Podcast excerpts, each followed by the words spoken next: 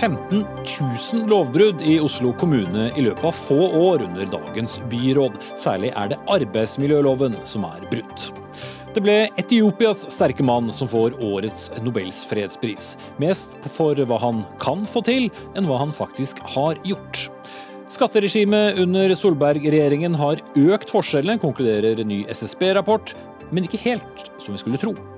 Og kan leger og pasienter være venner på Facebook?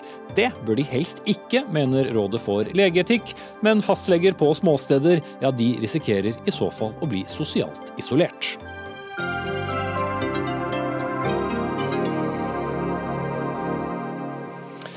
God fredagskveld og velkommen til Dagsnytt 18 med Espen Aas, der vi også skal snakke om de 600 000 nordmennene hvis passord er på avveie. Over 15 000 lovbrudd er altså avdekket i Oslo kommune. Alle etatene som er under politisk ledelse av byråd Lan Marie Berg, altså byråd for miljø og samferdsel, er eh, inkludert. Det viser et innsynskrav fra NRK i dag. Vi har eh, fått beskjed i Dagsnytt 18 at hun ikke hadde mulighet til å la seg intervjue av oss. Vi har også spurt da om ikke byrådssekretæren hennes eller byrådsleder Raymond Hansen fra Arbeiderpartiet vil forklare hva som har skjedd men også der var det vanskelig. I en pressemelding sa Berg i dag at alle etatsdirektørene er bedt om å redegjøre for hvordan etatene følger opp arbeidstidsbestemmelsen, og at hun har forsikret seg om at de tar dette på alvor. Og det er den enkeltes virksomheter som har ansvar for at regler overholdes, ifølge Berg i denne pressemeldingen. Og byrådsleder Raymond Johansen han tilføyer i en kommentar at han har tatt initiativ til en større gjennomgang av kommunens systemer for å sikre etterlevelse av regelverket i alle kommunens virksomheter, som det heter når man skriver noe på en pressemelding. Vann- og avløpsetaten er en av sju etater under miljø og samferdsel, og Anne Marie Aursund, du er da direktør for eh, nettopp vann- og avløpsetaten, og er i studio. Eh, arbeidsmiljøloven er altså blitt brutt 5616 ganger siden 2016, ifølge oversikten som dere sendte oss. 785 av tilfellene har vært i perioden januar til og med august 2020. 2019. Hva slags brudd er det vi egentlig snakker om? For det høres jo voldsomt ut med disse tallene. Det er jeg enig i. Eh, vann- og avløpsetaten er en beredskapsetat, og det er viktig å huske på at vi forvalter samfunnskritisk infrastruktur. Når rør springer lekk, så må vi raskt ut for å håndtere hendelsene, og derigjennom sikre at det ikke går utover liv, helse og skade på eiendom. Mm. Og de springer ikke nødvendigvis lekk mellom ni og fire? Det gjør de dessverre ikke. Eh, I tillegg så skal vi til enhver tid passe på at innbyggerne har rent drikkevann og et fungerende avløpssystem. Og når noe skjer, så må vi raskt ut. Og det gjelder både natt og dag. Så må det bare skje så mange lovbrudd da? Eh, det er krevende å drive en beredskapsetat uten å få brudd på arbeidsmiljøloven. Mm. For det er overtidstimer særlig det er snakk om her? Det er brudd på arbeidsmiljølovens arbeidstidsbestemmelser, og det er selvfølgelig ikke ønskelig. Nei, men likevel skal man drive en vann- og avløpsetat, høres det ut som, så, så, må det skje. Så er det sånn at man bare må gjøre dette med åpne øyne og si at sånn er det? Det er nok ikke så eh, enkelt. Eh, de bruddene som vi har, de er jo knytta til akutte hendelser. Eh, så det er ikke planlagte hendelser som sådan. Det kan være vannlekkasjer, det kan være brudd på avløpsledninger, det kan være kloakkstopp. Mm. Jeg skjønner alle de eh. hendelsene, men er det noen annen måte da som du kan håndtere dette på, som ikke gjør at man får da alle disse bruddene på arbeidstidsbestemmelsene? Det gjør vi jo daglig i forhold til å drive med effektiv forvaltning, drift og vedlikehold av de eiendelene vi har. Eh, men når det er akutte hendelser, så styrer ikke vi nødvendigvis dem. Mm, nei, og dermed vanskelig å unngå.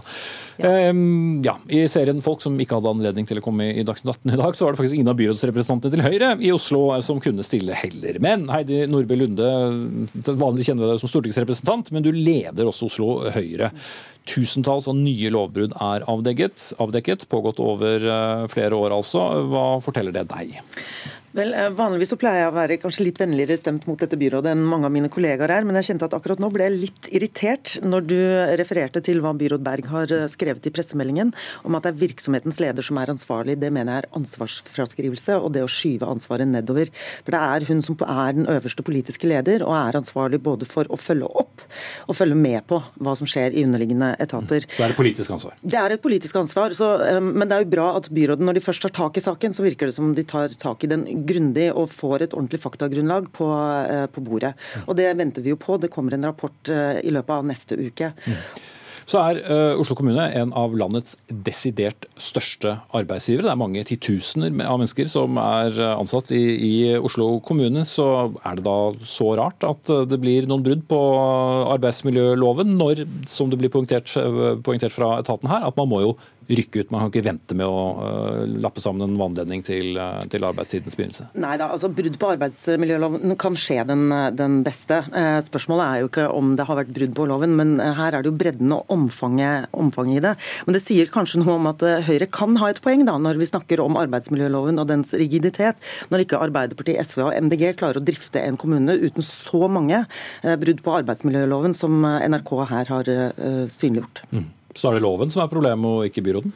Nei, jeg tror det, det er nok en, en begge, begge, deler. fordi Særlig etter eh, Veireno-saken, hvor vi fikk en, en, virksomhet, en privat virksomhet som brøt arbeidsmiljøloven. Den kunne, kontrakten kunne vi si opp, men særlig da burde bevisstheten rundt nettopp det å følge med på og følge opp saker som, som kommer, eh, burde vært eh, høyere. Så her er det egentlig to ting som er omtrent like alvorlige.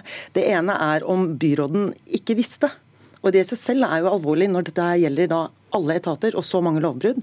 Den andre er jo om hun faktisk visste, og da har latt være å orientere bystyret. og I så fall så er det en mulig mistillitssak. Mm. Eh, Lan Marie Bergs rådgiver sier til oss i ettermiddag at uh, han håper hun kan kommentere denne saken på, på mandag i Dagsnatten. Vi, vi, får se på det. Men eh, altså, Man kan jo ikke si opp da en etat, uh, åpenbart. Eh, men hva er da din løsning for Aursund og andre etatsdirektører? For da, Hvis mye av problemet faktisk handler om et ifølge deg litt eh, rigid eh, lovverk? Nei, altså Her er det nok eh, flere ting. for Jeg vil anta at de lovbruddene er litt, ja, har litt ulik art. Og Noen ganger så er det jo nettopp arbeidstidsbestemmelser og hvor lenge eller når man har måttet være på jobb. Så må, vi må vite mer om de enkelte sakene og se på hva slags lovbrudd er det. Er det andre måter å håndtere dette på? Burde man ha flere ansatte? Er det arbeidstidsbestemmelser eller rutiner som dette går på? Og jeg ser jo at Raymond Johansen også varsler at man skal gå gjennom Oslo kommunes rutiner rutiner for håndtering av brudd på arbeidsmiljøloven. Så Det er jo en god begynnelse. Men dette burde jo vært begynt for eh, flere år siden. Mm. Vi jobber, eh, og har jobba gjennom flere år, for å få ned antall brudd. Eh, samtidig så ser vi jo at klimaendringene og ekstremvær gjør det ytterligere vanskeligere for oss. Våre folk, våre systemer er ikke rigga for å I alle fall ikke systemene under bakken er ikke rigga for å håndtere den type uvær. Og skal ikke, skal ikke være rigga for det. Men dette også handler jo ikke bare om dere som etat, det handler jo om alle etatene under byråd Berg. Mm. Eh, bare veldig kort slutt, Heidi Nordblunde, Hvordan var omfanget av lovbrudd da Høyre hadde byråd inntil 2015? Eh, det kjenner jeg faktisk eh, ikke til, men jeg er helt overbevist om at det fantes lovbrudd også, også, da. Det vil det være. Men spørsmålet er jo da om er ikke om det skjer lovbrudd, men det er omfanget av det. Og det er også oppfølgingen av det. Mm. For da var det dere som satt i byråd. Anne Marie Ausund, direktør i vann- og avløpsstaten i Oslo, og Heidi Nordblunde, leder av Oslo Høyre. Takk skal dere ha. Så får vi se om vi får mer svar i denne saken over helgen. Dagsnytt 18 alle hverdager kl 18.00 på NRK P2 og NRK2. Da vil jeg gjerne gå tilbake til klokken 11 i formiddag og Nobelinstituttet. The Norwegian Nobel Committee has decided to award the Nobel Peace Prize for 2019 to Ethiopian Prime Minister Abiy Ahmed Ali for his efforts to achieve peace and international cooperation, and in particular for his decisive initiative to resolve the border conflict with neighboring Eritrea. Ja, Det var selvfølgelig Nobelkomiteens leder Berit Reiss-Andersen vi hørte der, og det var eh, altså Etiopias statsminister Abiy Ahmed som ble tildelt Nobels fredspris for 2019 for sitt arbeid med å få en slutt på krigen med Eritrea. Han eh, har sagt at han er veldig ydmyk og lykkelig da han fikk beskjed på telefonen. Men til tross for at Abiy kunne vært statsminister i Etiopia i halvannet år, så har han altså iverksatt en rekke reformer i landet, i tillegg til altså å inngå en fredsavtale med nabolandet. Vi inviterte forresten Berit Reiss-Andersen for å utdype valget av Abiy i Dagsnytt 18. Det ønsket hun ikke. Sverre Tom Radøy, du var Afrikakorrespondent da Abiy kom til makten for halvannet eh, år siden. Hvem er denne mannen som plutselig får eh, denne meget, meget gjeve prisen? Ja, NRK var jo innom at han kanskje skulle få nobelprisen allerede for halvannet år siden. Men nei, dette er først og fremst en, en ung, modig maur. Han har utrolig dårlig tid. Han har gjort enormt mye i løpet av sine første bare tre måneder ved, ved makten. Eh, muslimsk far fra den største befolkningsgruppen. Eh, kristen mor fra den nest største befolkningsgruppen. Selv er han eh, pinsevenn, konverterte. Eh, tidlig inne i det militære, har gjort en stor karriere der. Eh, tok en master i data og kryptering. Eh, utarbeidet etterretningssystemets elektroniske tjenester har doktorgrad i konfliktorientert fag, er også da en, en forrykende person som inngir stor tillit i, i Etiopia og iallfall på Afrikas Horn, og representerer en ny generasjon afrikanske politikere som vil noe annet enn å sitte med makten og, og lage smultringer for, for, seg og sine nærmeste. Men så, hva, det, hva slags gjennomgripende omveltninger er det han har gjort som gjør at han skulle få Nobels fredspris? Jo, altså, da vi satt som, som korrespondenter, eh, jeg og, og, mange kollegaer i, i Nairobi, nabo, i nabolandet Kenya, og så det tikket inn melding etter melding om dette, det denne mannen gjorde i løpet av få dager. Det første han gjorde, det var jo å oppheve unntakstilstanden. Det andre han gjorde, var å skjelle ut eget sikkerhetssystem, sikkerhetspoliti, og det fra parlamentet. Han sa at, at jaha, terror, er det noen som har drevet terror i dette landet, så er det vårt eget sikkerhetssystem. De har drevet statsterror. Ferdig med det. Så skapte han fred med Eritrea, omtrent med et pennestrøk. Sa at denne krigen på 20 pluss år eh, er nå over. Eh, han har vært fredsbygger i nabolandene. Han har hatt samtaler og invitert eh, tidligere terroristorganisasjoner, opposisjonsgrupper, inn i den politiske varmen. Åpner opp økonomien. Eh, han har frigitt tusenvis av politiske fanger. Eh, store utskiftninger på toppen. Han har fått kvinner inn. Han har flere kvinner i regjeringen enn Gro Harlem Brundtland hadde, osv. osv. Og, og det i løpet av få måneder. Nå er det jo mer enn én en gang gitt fredspriser fordi man har fått slutt på konflikter. Eh, men veldig ofte så gis det da til begge sider. F.eks. Midtøsten, Nord-Irland. Men her er det altså Etiopias mann. Er det fordi hans innsats har vært så spesiell? Ja, Det må man si. Han har vært helt, helt spesielt. Helt, uh, uten han så hadde det ikke vært fred i det hele tatt. Uh, det gamle regimet holdt en krig uh, gående i rundt 20 år. Han gjorde en slutt i løpet av få uker. Mm. Nå er det fest, sa du til NRK tidligere i dag, Aman Kamsare. Du satt mange år i regimets mest beryktede fengsel, kom til Norge i 1999 som kvoteflyktning og er med oss fra Tromsø. Hva slags reaksjoner har du fått fra andre etiopiere i dag? Ja, den er veldig interessant og så begeistra. Og eh, veldig glad at eh, Abiy Ahmed eh, fikk fredprisen. Først etter 20 år kunne, kan, kunne, du altså besøke ditt eget hjemland takket være som mann. Hvordan var det? Det, har, det, var annerledes. Jeg har vært i Etiopia en måned i september, hele september. Og så jeg besøkte min fødselssted. Og det er folk med frihet og eh, fred. Mye forandring, vesentlig forandring aktuelt. Mye optimisme altså, men eh, kan det også være med på å gjøre fredsprosessen vanskeligere, tror du? Eh, jeg tror ikke den fredfordelingen eller prisen forsterker hans initiativ. Også det kan være sitament til riktig utvikling i landet. Og så den kan hjelpe nå han er eh, opptatt av eh, liberalisering. Og så vi håper at han fortsetter demokratisering i landet. Mm. Og så det blir valg neste år, og så den kan være også spennende. Ja. Takk skal du ha. Eh, Kjell Trondvold, du har da forsket på forholdet mellom Etiopia og Eritrea i 30 år. Du er professor i Bjørknes eh, høgskole. Du mener derimot at eh, prisen kan gjøre denne fredsprosessen vanskeligere. Hvordan kan den det? Ja, først og fremst er det en full berettiget pris til Abiy Ahmed, ingen tvil om det. Men det er ingen direkte korrelasjon mellom en fredspris og en styrkelse av en fredsprosess. Eh, kanskje heller tvert imot. Og Det er det jeg prøver å vektlegge her. sånn. Eh, jeg tror prisen vil ha en positiv innflytelse på det interne reformene i Etiopia. Men der er det også motstand av flere folkegrupper mot at Abiy fikk prisen. Eh, det vil kanskje ha ingen påvirkning på Eritrea-Etiopia-prosessen, og hvis det vil ha en påvirkning, så er det trolig negativt. Hvordan da? Det er pga. presidenten i Eritrea, Isaias Afwerki. Det skal to til for å danse en tango, og det skal to til for å skape fred. Eh, den ene siden, Abiy Ahmed, er interessert.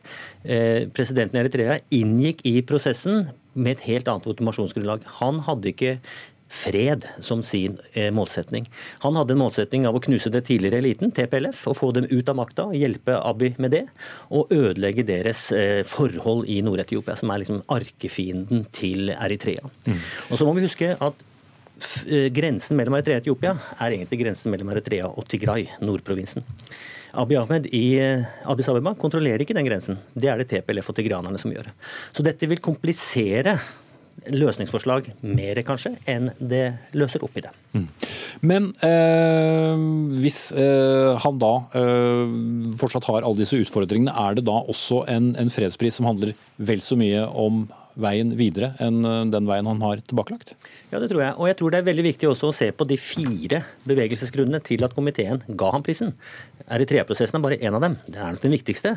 Men det er den interne reformen i landet. Det er de regionale prosessene som er satt i gang. Og det er likestillingsproblematikken, fremhevelse av kvinnerettigheter.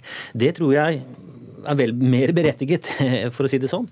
Og det at det er en pris som på belønner en prosess, en bevegelse, er også helt soleklart her sånn.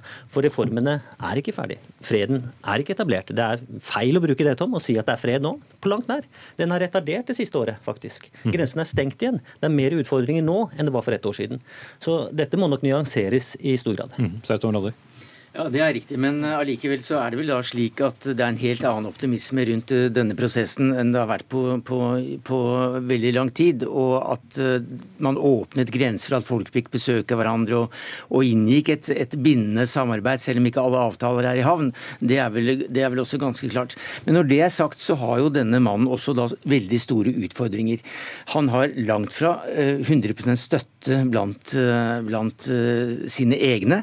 Det er jo en stor stor elite som taper en masse prestisje, penger og posisjon ved at han nå herjer rundt med dette landet med 100 millioner mennesker som han gjør, og som ikke liker det i det hele tatt.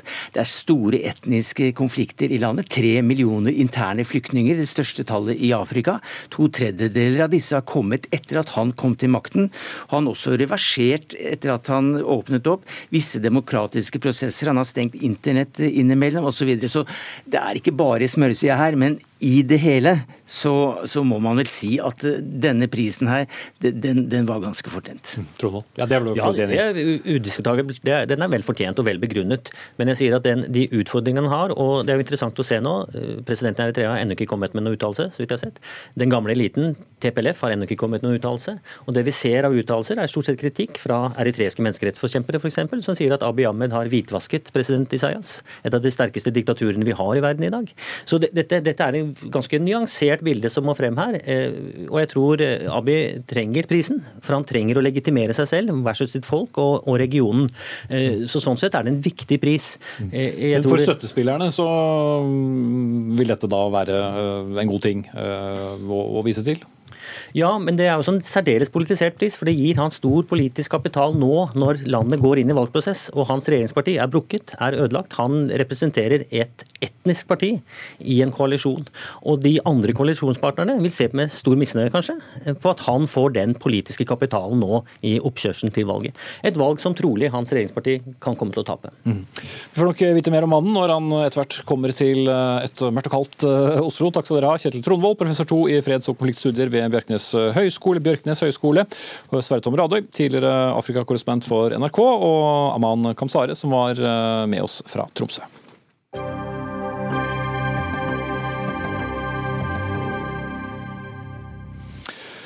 Er du blant de som eh, har ordet passord som passord, eller kanskje 1, 2, 3, 4, 5, 6? Da er du i veldig godt selskap. Det er nemlig de mest brukte passordene hos eh, de 600 000 nordmennene som har fått sine passord stjålet, og vi skal snakke mer om dem senere i Dagsnytt 18. Økt ulikhet kom som følge av skatteendringer de siste årene. Ja, Det var konklusjonen i en rapport fra Statistisk sentralbyrå som kom i går. Byrået sjekket hvordan skattesystemet under den nåværende Erna Solberg-regjeringen påvirket eh, omfordelingen, som det heter i rapporten, eller forskjellene i Norge. Konklusjonene var at ulikhetene økte, men ikke helt uten overraskelser. Vi skal komme tilbake til akkurat det, men først til deg, eh, Tor Olav Thoresen. Du er forsker i eh, SSB, også ved Universitetet i, i Oslo. Hva konkret var det dere gjorde? Eh, det vi gjorde, det var altså, som du sa, å studere skattesystemets omfordelende effekt over tid, fra 2013 til 2019, mm. som faller sammen med regjeringen Solberg. Og igjen som faller sammen med en periode med ganske store skattelettelser. Det vi gjør da, det er å eh, ta 2013-systemet og hypotetisk innføre det i 2019. Mm. Altså det gamle skattesystemet til Stoltenberg-regjeringen? Skattesystemet til Stoltenberg inn i 2019. Sammenligne det med faktisk 2019, og se på eh, hvem er det som har nytt godt av disse fordelene eh, i form av 24 milliarder i skattelettelser? Mm. Er det de rike, eller er det de fattige som har fått eh, dra nytte av dette? Mm. Og konklusjonen var? Konklusjonen er at eh, det er gått litt mer til eh, de rike slik at skattesystemet er noe mindre omfordelende i 2019 enn det det var i 2013. Mm. Men som jeg antydet i innledningen, så var det ikke helt eh, entydig. For vi har jo forskjellige former for skatt, og inntektsskatt er den ene tingen, formuesskatt er den andre. Og der slo det ut forskjellig. Ja, vi trodde jo at uh, formuesskatten skulle bidra til mer svekkelse av omfordelingen enn det vi så. Og årsaken til det er at uh, det befinner seg en del folk på veldig eh, relativt lavt inntektsnivå som eh, betaler formuesskatt. Eh, da har det sånn at og Det er fordi de har formue i form av f.eks. For bolig eller andre eiendeler? De har aksjeformue, de har boligformue osv. En vesentlig årsak til at, det, en, at vi får såpass Eh, stor effekt eh, i form av skattelettelser til den nedre del av, eh, av, fordelingen, er at vi tror at en god del av disse personene har tap i næring og tap i aksjeinntekter, så at de er temporært nede i den nedre delen av fordelingen. Ja, Temporært, altså for en periode. Ja. Ja. Eh, men hvor store forskjeller er det da egentlig med en rød-grønn skattepolitikk og en blå skattepolitikk? Altså, vi gjorde jo samme øvelsen for regjeringen Stoltenberg fra 2005 til 2013, og da så vi at de styrka skattenes omfordelende effekt. Eh, så da ble forskjellene mindre? Da ble forskjellene mindre. Eh, nå ser vi at det er en liten svekkelse i skattenes omfordelende effekt. så at det er eh, som vi omtaler som svært moderat, men allikevel i retning av, av svekkelse. Mm. Henrik Asheim fra Høyre, stortingsrepresentant og leder av finanskomiteen. Større forskjeller med Høyre, var det meningen? Nei, altså klart at Når SSB også sier at det er svært moderate utslag, så er nok det fordi skattepolitikken vår har jo mange forskjellige formål. ikke sant? Og Jeg syns denne rapporten er veldig interessant, og jeg syns tallene er interessante å lese. Nettopp fordi vi lager jo en skattesystem som både skal omfordele, selvfølgelig. Vi har jo svært progressiv skatt i Norge. Men i tillegg til det så skal vi ha et skattesystem som gjør at det lønner seg å jobbe, f.eks. At vi har en konkurransedyktig næringsbeskatning så vi kan konkurrere med utlandet. Eller at vi skal hindre forurensning, f.eks. For så vi har høye avgifter på det å forurense. Mm. Og Et av eksemplene som SSB også trekker frem, er jo endringen på bilavgifter. ikke sant? Det at vi har gjort det langt billigere å kjøpe elbiler, f.eks. Det er jo et viktig miljøtiltak som hele Stortinget er for. Men du må jo være i posisjon til å kunne kjøpe en ny bil for å få nyte av den eh, avgiftslettelsen, da, f.eks. Mm. Ja, Fredrik André Øvstegård, eh, stortingsrepresentant fra, fra SV. Alle advarsler om at forskjellene øker, eh, men det var ikke rare greiene? Ja, men Nå står det jo svart på hvitt at eh, regjeringa fører en eh, skattepolitikk som eh, faktisk får forskjellene i inntekt til å øke. Og det er også helt åpenbart eh, resultatet når Høyre har gitt eh, altså, omtrent 100 ganger mer i skattekutt til de med høyest inntekt fra før, enn til de med eh, lav inntekt. Og det er jo alvorlig, mener vi, fordi noe av det beste med Norge er nettopp at vi har små forskjeller. Fordi små forskjeller i inntekt det gir også et sterkere lim i samfunnet, det gir mer tillit. Mens de samfunnene som har høy grad av ulikhet, hvor det er stor, store forskjeller mellom folk, ja, det er samfunn som er prega i større grad av lav tillit, mer kriminalitet, dårligere helse og en rekke andre eh, statistikker vi ikke eh, ønsker å, å, være på. Så dette er jo en dårlig retning for, for landet. og det er det vi har påpekt. Mindre enn dere har advart om, eller? Nei, det er jo altså, Hvis vi ser på hvor raskt forskjellene øker i Norge i dag totalt, så øker altså forskjellene i Norge raskere enn i Frankrike. Vi er i ferd med å ta Frankrike igjen innen tiår. Det er alvorlig. Hvis vi ser på det franske samfunnet og limet i det, uh, i det, landet, så ser vi jo hvordan det har vært under press den siste tida, og vi ønsker jo ikke å komme dit. Det her er Franske tilstander. Ja, eh, Henrik, eh, altså Hvis da forskjellene øker med deres modell for eh, inntektsskatt, er det da poeng å fortsette med den? Ja, altså dette, dette har jo bare sett på skattens omfordeling. Så sier man at det er svært svært små utslag, men ja, den er litt mindre omfordelende Eller moderat, som er ja, moderat, ja, ikke sant? Som er, som, og dette forklares jo bl.a. også da med lavere inntektsskatt og bilavgifter f.eks. Men det andre og viktige omfordelingen, og jeg er jo helt enig med at vi skal ha små forskjeller i Norge, det er jo hva bruker vi skatteinntektene på? Altså Vi må ha et effektivt og godt satt skattesystem som omfordeler, det gjør det. Men så er spørsmålet hva bruker vi inntektene på? Eh, og det vi gjør i Norge, det er på den ene siden å gi gratis utdanning, gratis helsevesen til alle. det er svært omfordelende.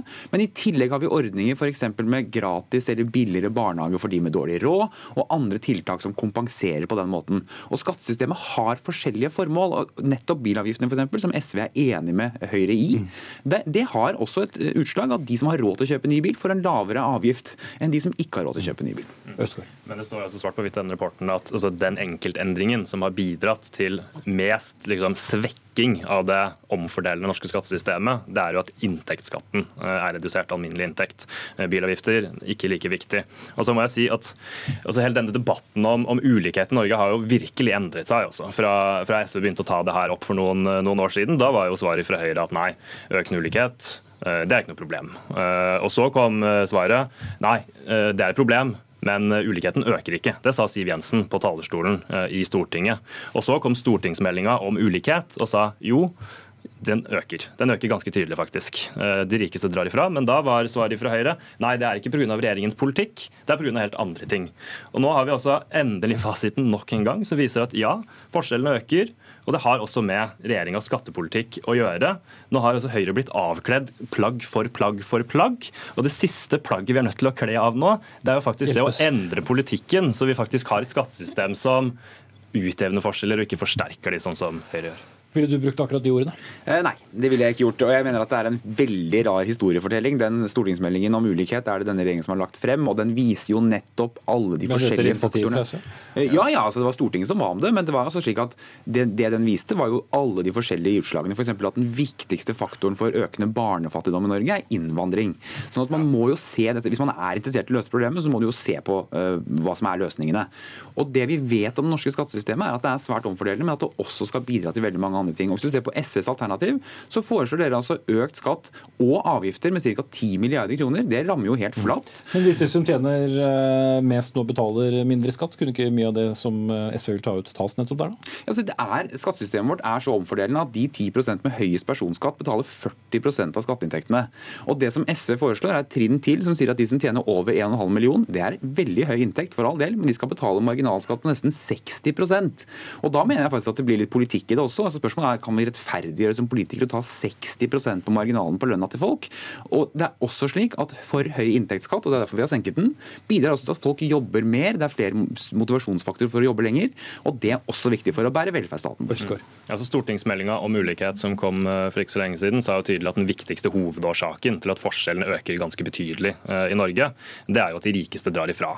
Og Det er jo nok en gang tilbake til skattepolitikken. og Derfor sier vi, er vi helt ærlige vi, eh, i vårt skatteopplegg. Jo, Vi sier jo det at ja, de rikeste de skal bidra mer. Vi øker skatten på den formen for inntekt der hvor de aller, aller rikeste økonomiske eliten får pengene sine fra. Det er, som du selv sa, altså de aller, aller høyeste lønningene. Og så er det de aller, aller største formuene. Og så er det de virkelig lukrative eiendommene. De virkelig store arv den store arven, og ikke minst spekulasjon i børs og bolig. Og så gjør vi noe annet samtidig. Vi senker skatten for vanlige arbeidsfolk sine inntekter, alle som tjener under 600 000. Da rigger vi om hele skattesystemet. Jeg tror også at til og med SSB kunne sikkert sagt det at med et sånt skatteopplegg så ville det utjevnet forskjeller i inntekter. Og det er et mål med skattepolitikken, et mål som denne regjeringen har forlatt. SSB skal slippe å delta i den debatten, men eh, du skal få svare. Henrik Asheim, eh, hvordan ser du for deg Norge med den skattemodellen? Ja, altså det SV foreslår er samlet i det siste budsjettet de har lagt frem, da, å øke skattene og avgiftene med nesten 22 milliarder kroner. 10 milliarder går på avgifter, og det andre går på skatter. De foreslår helt riktig å gjeninnføre en arveavgift. Det kan godt hende at den har vært omfordelende, men har også vært svært svært urettferdig. Det er helt umulig å forklare hvorfor staten skal ha en andel av at et menneske dør og en annen skal overta disse eiendommene. Igjen, dette handler også om at skattesystemet vårt har flere hensyn enn bare omfordeling, og den viktige omfordelingen den gjøres gjennom velferdsstaten vår. Og det er altså slik at Vi akkurat har lagt frem et statsbudsjett som både øker barnetrygden for de minste barna, som lager gratis barnehage for barn som bor i asylmottak, mange sånne omfordelende tiltak. Og det er slik vi hindrer at ulikheten øker, ikke bare å se på en skatteprosent på 60% på de høyeste inntektene.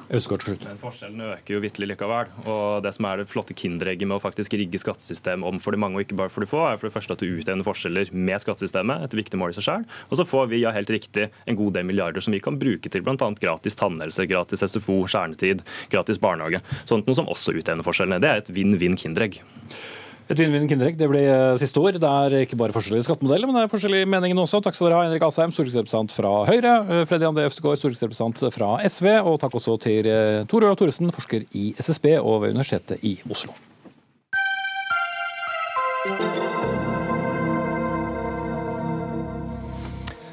Boris 001, hva er det? Jo, passordet til en politimester i Norge. Kharkov 1943 passordet til en sjef i Forsvaret, og det er bare to av 600 000 passord som er blitt brukt av nordmenn, og som er kommet på avveie, som vi har kunnet lese i Adresseavisen. Martin Gundersen, teknologijournalist her i NRK. Hvordan har over en halv million, eller altså 600 000 norske passord blitt stjålet? Ja, Det er et godt spørsmål. og Det handler jo mye med at eh, vi bruker passord og e-poster overalt. Og det er mange tjenester som med årene har blitt eh, kompromittert på en eller annen måte. sånn at mange av de Noen har brutt seg inn? Noen har brutt seg inn, og Det er jo ikke tjenester eh, det er tjenester vi alle bruker, f.eks. Dropbox eller LinkedIn.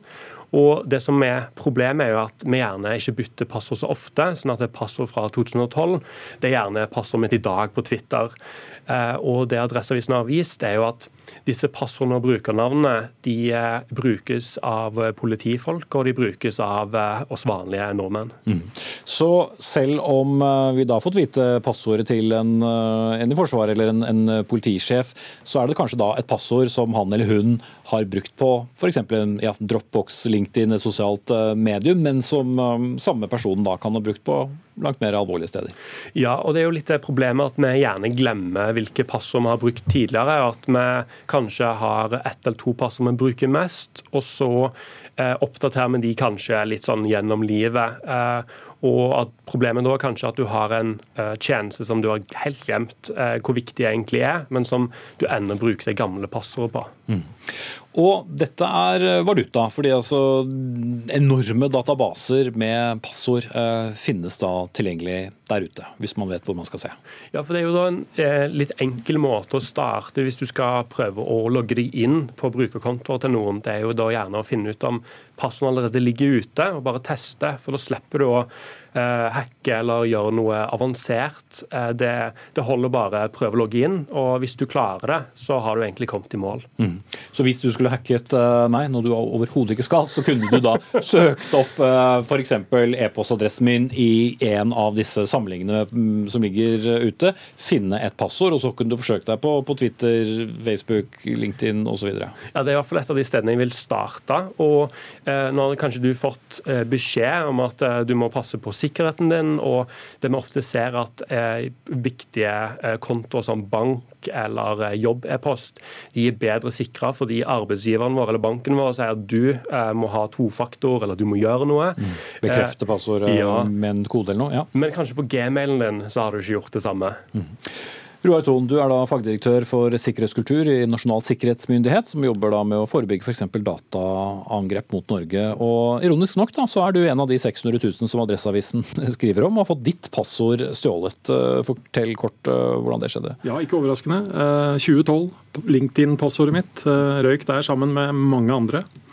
Eh, siden jeg jobber i bransjen, så var jo det noe jeg å si, fulgte ganske raskt med og, og, endret det.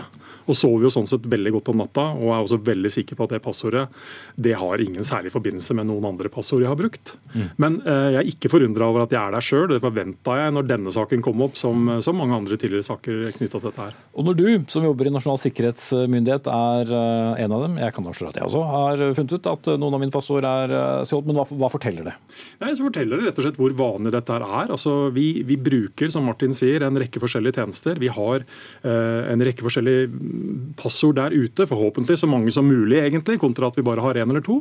Eh, og de blir eksponert gjennom ulike tjenester som da dessverre blir utsatt for datainnbrudd. og Man henter ut passordlister og gjør disse tilgjengelige. og Det er dessverre en, eh, blitt en ganske kommersiell business som man utnytter til en rekke ulike formål. Mm. 1, 2, 3, 4, 5, 6 passord, web homepass. Det er de tre vanligste passordene blant disse 600 000 eh, norske brukernavnene som da Adresseavisen har fått eh, tilgang til.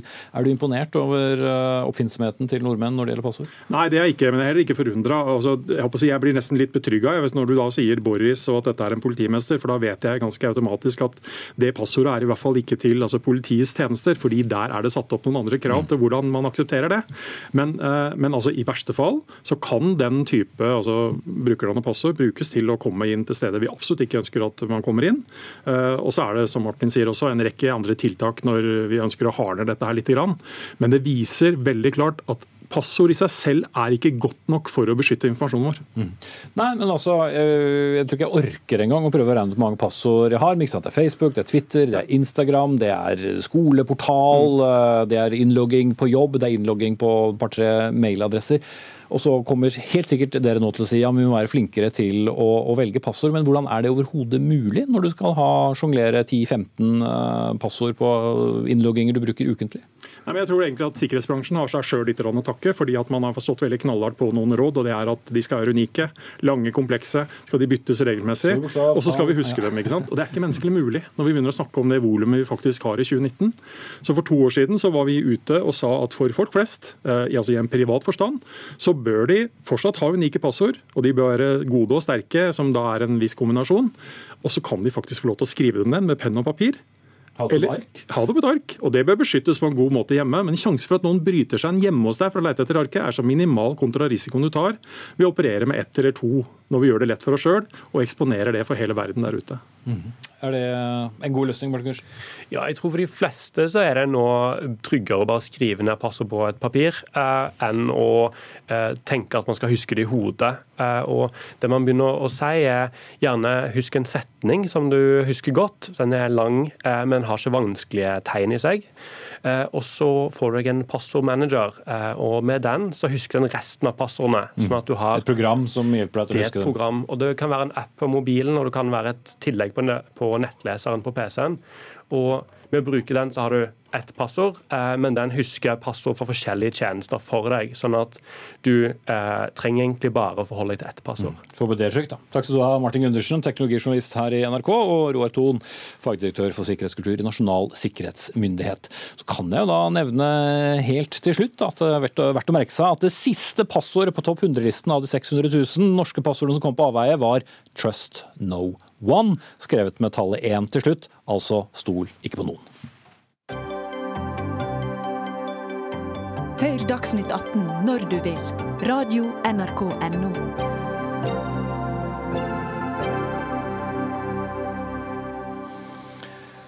Det er bare på så lenge som siden mandag at eh, statsbudsjettet ble lagt frem, eller forslag til statsbudsjett for å være helt eh, korrekt. Og en av sakene som ble foreslått der, men som ble kjent i forkant av fremleggelsen, er at eh, regjeringen foreslår at minsteytelsen for arbeidsavklaringspenger, eller AAP som vi gjerne kaller det, reduseres med 60 000 kroner fra 198 000 til 130 000 kroner. Det gjelder altså for nye mottakere som er under 25 år. Og som alltid, når noe reduseres, så skaper det reaksjoner. Leif Ove Hansen, du er generalsekretær i Unge funksjonshemmede og mener at eh, denne reduksjonen kort og godt er katastrofal. Hvorfor det? Eh, og det er den. Eh, det her kommer absolutt ikke til å motivere noen i eh, gruppa mi, som er unge med funksjonsnedsettelser og kroniske diagnoser, til å komme i jobb. Dette er noen ting som kaster dem ut i fattigdom. Og så syns jeg det er ordentlig frekt at dette kuttet er det som skal sørge for at de også får videre oppfølging i Nav. Vi vet at det er gjort utrolig mye kutt her allerede, så det burde jo være nok midler til rådighet for oppfølging. Eh, de innstrammingene som var sist, eh, var jo på 2,2 milliarder. Så det burde jo absolutt være noen ting som ble tilbakeført til Nav som kunne sørge for denne oppfølginga, men det ser vi ikke noe til. Heidi Nordby Lunde, stortingsrepresentant for Høyre. Du går igjen i sendingen. Du sitter i arbeids- og sosialkomiteen. Eh, forklar hva det er Leif Ove Hansen ikke skjønner. Altså, dette her er jo en endring som ikke først og fremst er eh, et kutt- eller innsparingsforslag, men nettopp fordi at vi ser at ordningen ikke fungerer. Og det er virkelig få debatter som er så faktaresistente som debatten knytta til, eh, til, velferd og velferdsytelser. Um, ordningen med arbeidsavklaringspenger er evaluert av Sintef, av Sysselsettingsutvalget og av Nav selv, og alle sammen slår ettertrykkelig fast at, ikke bare, uh, at den ikke bare ikke fungerer etter hensikten, som er å hjelpe flere raskere ut i arbeid men eh, at den faktisk også virker mot eh, hensikten. Og seniorforsker Fordi det er for mye penger? Ja, det kan det også være. Altså For gruppen under 25 år så viser det seg jo at de har eh, jevnt over en høyere inntekt enn jevnaldrende, som enten er studenter, lærlinger Når de går på disse på arbeidsavklaringspenger. Og Seniorforsker Simen Markussen ved Frisch-senteret sier at arbeidsavklaringspenger er et rullebånd ut av arbeidslivet, der folk låses inne i utenforskapet. Så det ville vært direkte usosialt å ikke gjøre noe med den ordningen. Det er hjelp til dine medlemmer? Ja, men for det første så er jo liksom sånn som at Hvis du leser konklusjonen fra Sintef, så sier jo dem at arbeids arbeidsavklaringspenger fungerer eh, som en god ytelse og ordning. Eh, de har ikke det samme konklusjonen som eh, Nordby Lunde har. Og så mener jeg det er fullstendig urimelig å sammenligne unge på arbeidsavklaringspenger med unge generelt. Fordi de gruppene jeg snakker på vegne av, som virkelig er syke, som har en kronisk diagnose, de har ekstra utgifter til bolig, til egenandel, til medisiner, til transport, til mat. Og da er det litt sånn som at er det virkelig de du vil kutte hos, sånn at de blir varig fattige? Det er jo, en, det er jo så usosialt eh, og så ustemt som det går an. Hva er den økonomiske samfunnsgevinsten, eh, Lunde? Den økonomiske samfunnsgevinsten eh, er jo at du får, eh, får, flere og tettere og bedre oppfølging av de som eh, faktisk er på tiltakene, fordi at det kuttet føres direkte tilbake til Nav for å følge opp de unge. Så har jeg lyst til å minne om at dette her er jo en direkte oppfølging av en Nav-rapport som kom i 2016, hvor Nav selv foreslo at man skulle redusere ytelsene og tilbakeføre hele den summen tilbake igjen til Nav, sånn at de kunne gi unge mer oppfølging og bedre oppfølging. Mm. Men for den gruppen som faktisk som er er syke, som har en, en sykdom, mm. Eh, eller som er uføre, så er jo ikke arbeidsavklaringspenger den eh, endelige, eh, endelige ytelsen. Da skal man jo avklares Da skal man jo Nei, fordi at målet er jo tettere og raskere oppfølging, og at man ikke skal gå hele tre år dersom man kan unngå det. Og Da går man jo over på en uføretrygd. Men dette her Men er jo da den enkelte som må betale for at Nav skal jobbe raskere? Nei, dette her, dette, eh, Det blir jo en veldig rar sammenligning. for Den enkelte vil jo få en eh, utbetaling som Nav selv da har foreslått og mener at det er riktig. og Det er også den samme inntekten som unge på samme alder har eh, dersom de går på andre tiltak hos Nav. Ehm, og det at vi, som jeg har sagt, Dette er ikke en innsparingsreform. Dette er, vi bruker hele summen vi sparer inn på å sørge for bedre og raskere tiltak til de unge som trenger det, for å få de ut i arbeid. Elisabeth Steen, du er leder i Norsk tjenestemannslag i Nav, også fagforeningen, eh, og representerer da Nav-ansatte. Og Ifølge Dagsavisen så er dere nesten eh, sjokkerte, men hvorfor er dere det, hvis også Nav har konkludert eh, noe i samme retning som Heidi Nordby Lunde? Nei, Vi reagerer kraftig på at man henter penger ut av lommene på unge syke mennesker for å styrke oppfølgingsarbeidet. Det er ikke eh, tvil om at Nav har altfor lite ressurser til oppfølging. og Det skyldes jo kuttpolitikken til eh, regjeringa, hvor Stortinget har kutta 370 millioner i driftsbudsjettet til Nav de siste fem årene. Og så er det foreslått nye kutt neste år. Eh, sånn, at, sånn sett så er den såkalte satsinga man kommer med nå, det vil jo ikke hjelpe. Hvorfor ikke det?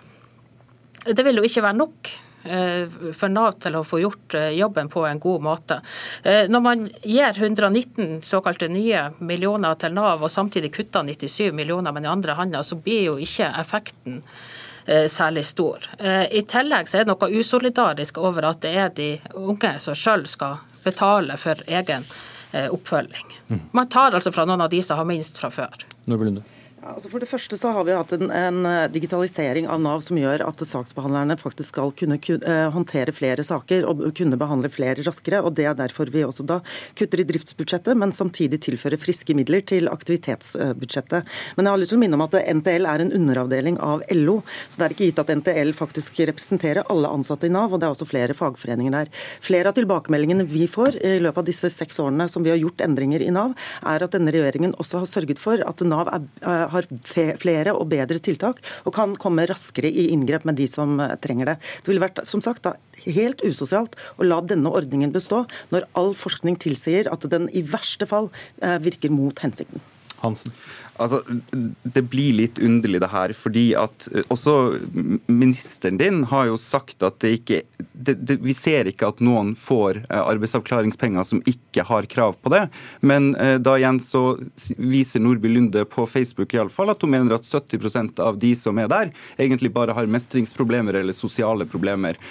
Og det å så tvil om at de som får de her pengene, ikke har krav på dem eller er syke, mener jeg er litt ufint, rett og slett. Mm. Vil du forklare akkurat det, når Blund SFR har delt akkurat den posten din? Ja, gjerne det. fordi at Da arbeidsavklaringspengene kom, og det var et godt tiltak i 2010, så erstattet det tre andre innretninger. og Skulle gjøre da at Nav eh, kom raskere eh, i gang med bedre tiltak. Da fjernet man også eh, kravet om at det skulle være en helsebegrunnelse for å få arbeidsavklaringspenger.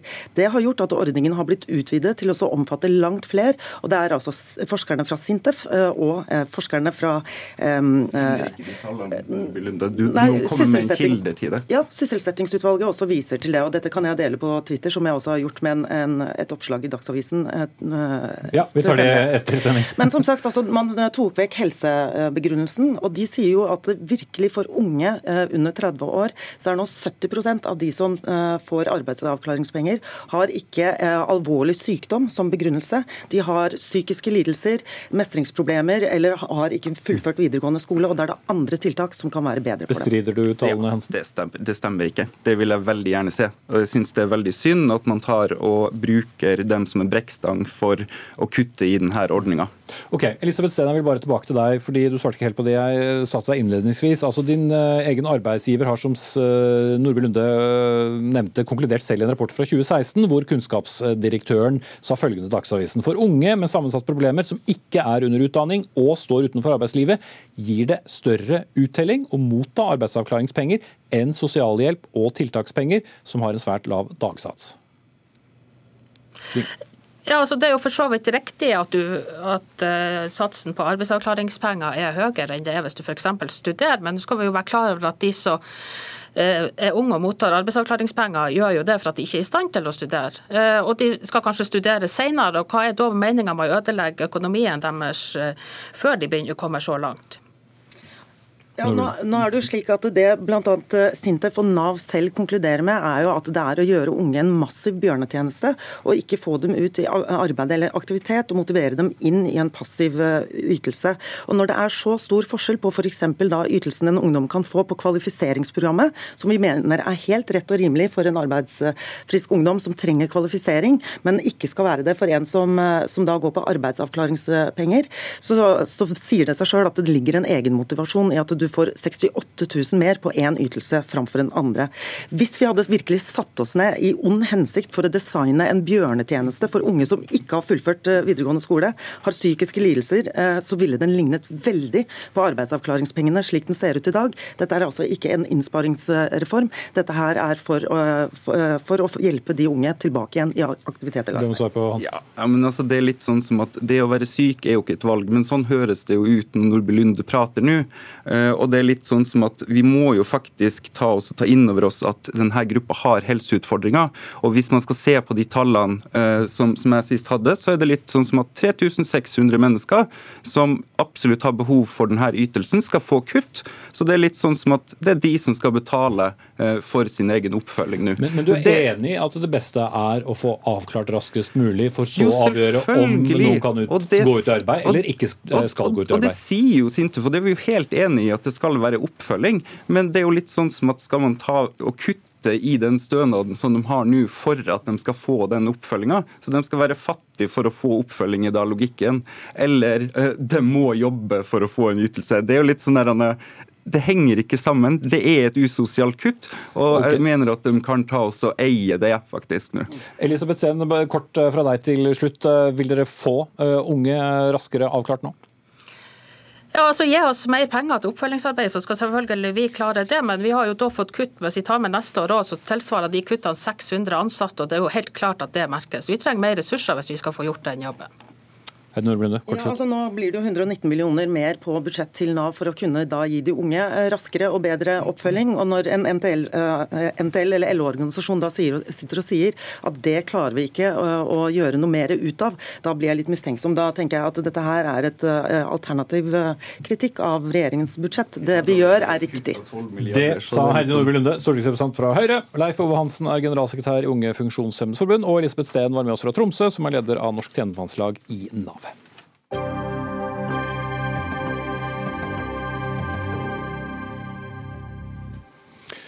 Ja, Som vi for så vidt har eh, så vidt vært innom, så er jo sosiale medier blitt eh, en del av livet. Det gjelder eh, uansett hvilken yrkesgruppe du måtte tilhøre. Også leger, advokater, politi og Nav-ansatte. Også mennesker som har arbeid hvor det er en streng taushetsplikt.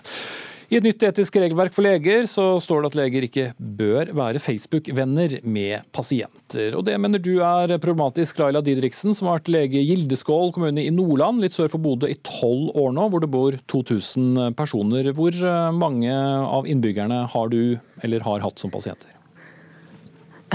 Ja, eh, jeg vil tro at eh, ja, godt over halvparten, kanskje opp mot tre fjerdedeler, vil jeg tro har vært vært innom kontoret mitt en eller annen gang i løpet av de tolv årene.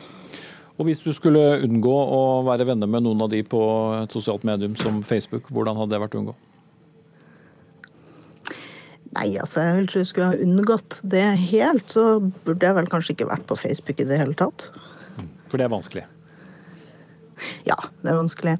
Ehm, nå vil jeg jo si at jeg legger jo ikke til folk på Facebook fordi at de er pasientene mine. Jeg legger jo til folk på Facebook fordi at de er vennene mine i det virkelige livet, og jeg har, jeg har noe med det å gjøre der. Det er lærere til unger, det er trenere, det er de som jeg sitter i styret i idrettslaget sammen med, det er de omgås på daglig basis. Men stort sett alle disse har jeg også en eller annen gang hatt som pasient. Mm.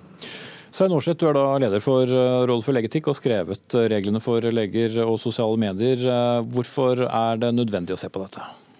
Generelt så syns vi det er nødvendig at leger tenker seg nøye om når de går ut i den jungelen som sosiale medier har blitt. For det er lett å trå feil. Og Hensikten med artikkelen var nettopp å peke på og bevisstgjøre legene på dette. Mm. Rent praktisk, hva, hva, er de farlige konsekvensene av at uh, folk med taushetsplikt, som, som, leger da, uh, har, har, for mange venner på Facebook? Det er altså ikke snakk om mange eller få nei, nei. venner, mm. men det er, snakk om å, å, ja, det er snakk om at man lett kan komme i en situasjon hvor man bryter taushetsplikten. Og man har jo faktisk eksempler på at Helsetilsynet har sagt at bare det å tilkjennegi en lege-pasient-relasjon på Facebook, det er eh, brudd på taushetsplikten. Så Helsetilsynet er også strenge. Dette er ikke bare uh, vår mening. Uh, Men på et lite sted som der Laila Diriksen jobber, så blir jo det veldig vanskelig også på andre småsteder. For hvis du er eneste lege, så må du innimellom også behandle venner. Ja, Det er jo selvfølgelig slik at når du bor på et sånt sted, så har du et sosialt liv. Og du har også et sosialt liv blant de personene du treffer på, eh, på legekontoret. Og jeg syns at det hun sa her i stad er eh, helt greit. Hun legger ikke til venner hvis den eneste relasjonen er lege-pasient-relasjon. Og så er det jo selvfølgelig så er man fotballforeldre, og så, men man må tenke seg nøye om, og man må vurdere om eh, vennerelasjonene på sosiale medier får en konsekvens for lege-pasient-forholdet. Mm. Men tenker du på det selv, Laila Didriksen, at det er, er vanskelig? Uh, når du er da kommunelege, så, ja, så vil det vel unektelig kunne bli noen utfordringer? Ja, og, og, jeg tenker det er, jo, det er, jo, noe alle leger må ha et uh, bevisst forhold til. Uh, og jeg tenker det er, jo, det er jo bra at disse, disse rådene har kommet. Men jeg tenker jo at noen kanskje er litt vel skarp. Men jeg tenker at man, man bør ha et visst, bevisst forhold til hvordan man uttaler seg. Og det tenker jeg gjelder både på Facebook og i, i andre sammenhenger der man, der man er. Nå, nå er det jo sånn at Når man bor på små plasser, så er man jo vant til å ha ganske mange forskjellige hatter på hodet. Eh, og det tenker jeg at det må man, det må man være bevisst når man er på, på Facebook òg. Men jeg ser liksom ikke, jeg ser ikke den store faren i at når jeg diskuterer drivhuset mitt på Facebook med noen som også har vært pasienten min Det er liksom det er sånne ting jeg tenker på. Men jeg, jeg ser helt klart farene. Men jeg tenker at så lenge man har et bevisst forhold til det, og man, man skiller på eh, sin rolle som, som, lege og sin rolle som privatperson, så, så går det ofte bra. Ja, men Det blir da veldig opp til eh, enhver, da, Aarseth. Og det er veldig vanskelig å lage et, eh, et regelverk ut av dette? Ja, altså, det vi har laget er noen retningslinjer som leger bør tenke gjennom. og Det er laget i samarbeid med samfunnspolitisk avdeling i Legeforeningen. Eh, og Hvis man da setter seg ned og leser gjennom disse 13 punktene og forholder seg til dem, så er jeg veldig fornøyd. Mm. Men uh, det er jo nevnt uh, historier som at uh, pasienter kan be om en resept på, ja, via et sosialt medium osv. Er det typiske farer som du ser? Eller ja, da er det jo ikke legen som har trådt feil, men det sier noe om hvordan altså mediene brukes. så vi må ta litt høyde for det også. Mm. Ja, hvordan opererer du selv, Didriksen? Altså, du må alltid forholde deg til da, en Facebook-venn først og fremst uh, som, en, som, en, venn, og ikke at du har et profesjonelt uh, forhold til vedkommende. Ja, eh, det, det, er jo det jeg gjør. Altså, de, de, vennene som jeg har på Facebook, det er jo folk som jeg har et, et forhold til utafor lege-pasient-forholdet mitt. Eh, og jeg tenker jo at de rådene som, som har kommet man kunne, jo, man kunne, jo, kanskje ha skrevet der at man bør ikke ha venner på Facebook hvor man kun har et lege-pasient-forhold. Men sånn som det står nå, så står det jo at man ikke bør ha venner på Facebook som man en eller annen gang har hatt et pasient-lege-forhold til. Det blir litt vanskeligere å forholde seg til, tenker jeg. Det får du ta med deg på veien ut, Sandorseth, for et eh, vikar mer tid. Takk skal du ha. Takk til Laila Didriksen òg. Så må vi jo ikke glemme alle kattebilder og mattbilder vi også ville gått glipp av på sosiale medier da, dere. Det var Dagsnytt 18 denne fredagen. Lik og del. Ansvarlig for sendingen Anne Katrine Førli. Teknisk ansvarlig Hilde Tosterud. I studio satt eh, Espen Aas. Vi er tilbake igjen på mandag, og det er bare noen døgn til.